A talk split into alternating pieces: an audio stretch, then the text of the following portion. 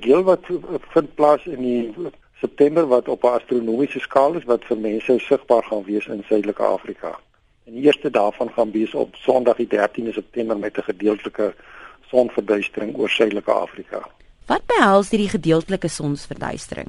Dit gebeur wanneer 'n nuwe maan die uh, voor die son in beweeg en dan die son, die maan en die aarde in een lyn opgelyn is. Maar in hierdie geval gaan nou net 'n gedeelte van die son se oppervlakte verduister word deur die maan. So vir sekere mense in Suidelike Afrika gaan dit 'n groter effek hê en vir sekere mense gaan dit 'n minder effek hê, maar dit sal sigbaar wees vanaf Madagaskar reg deur tot in die Kaap en ook die suidelike dele van die Indiese Oseaan sowel as die oostelike dele van Antarktika.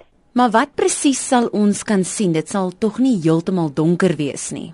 Nie eintlik nie. Jy sal net sien dat die son 'n bietjie dowwer gaan skyn en as jy natuurlik nou die regte instrumente gebruik, kan 'n mens sien dat die son gaan byvoorbeeld in uh, Johannesburg en Pretoria ongeveer 25% uitgedoof wees en in Kaapstad ongeveer 43%. So hoe verder suid 'n mens in Suidelike Afrika is of in Suid-Afrika is, hoe beter gaan dit wees maar dit is vroegoggend dit gebeur hier rondom 'n kwart voor 8 in die Kaap byvoorbeeld is dit die maksimum terwyl dit 'n bietjie vroeër is in of in Johannesburg is dit 7:35 is die maksimum uh, sigbaarheid vir die gedeeltelike sonsverduistering. En dan aan die einde van die maand sien ons weer 'n maanverduistering.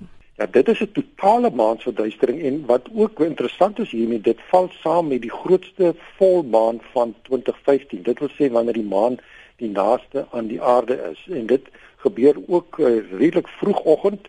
Die maan gaan eers deur 'n halfskaduwee beweeg en dan ook deur 'n volskaduwee. So hier omgewing en dit gaan sigbaar wees natuurlik vir almal in Suidelike Afrika.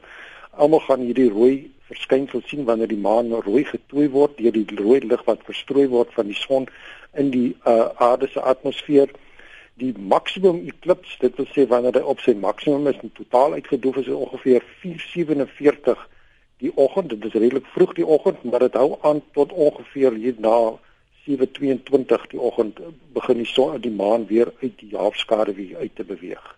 Wat is die redes hiervoor? Uh, die uh, verduistering gevind plaas as gevolg van die maan wat in die skaduwee van die aarde in beweeg En dit is as gevolg van die baan van die maan om die aarde wat dan nie in 'n sirkelvormige baan is nie, maar wel in die vorm van 'n ellips en op sekere stadiums is dit dan meer sigbaar en dan sag of meer helder sal ek maar sê. In hierdie geval is dit natuurlik nou volmaan en die skaduwee van die maan van die aarde begin dan val op die maan self. En dit is wat basies die hele effek van 'n totale maansverduistering weerspieël. En dan op die 23ste September kan ons 'n dag en nag ewening verwag. Dit is wanneer die son loodreg op die ewenaar skyn en die son is nou eintlik besig op sy pad terug na die suidelike halfrond toe om dan meer uh, helder te skyn in die suidelike halfrond en van die 23 September af kan 'n mens dan verwag dat die dae langer gaan word en die nagte gaan korter word terwyl die teenoorgestelde in die noordelike halfrond gebeur wanneer die dae korter word en die nagte al langer word want op die oomblik het die noordelike halfrond hulle somer en dit is wanneer daar nou meer uh, sonlig in die noordelike halfrond val as in die suidelike halfrond met ons winter. So dit is 'n oorgang van af winter na somer in die suidelike halfrond en is eintlik op 'n meteorologiese skaal beskou die aan begin van 'n lente in die suidelike halfrond.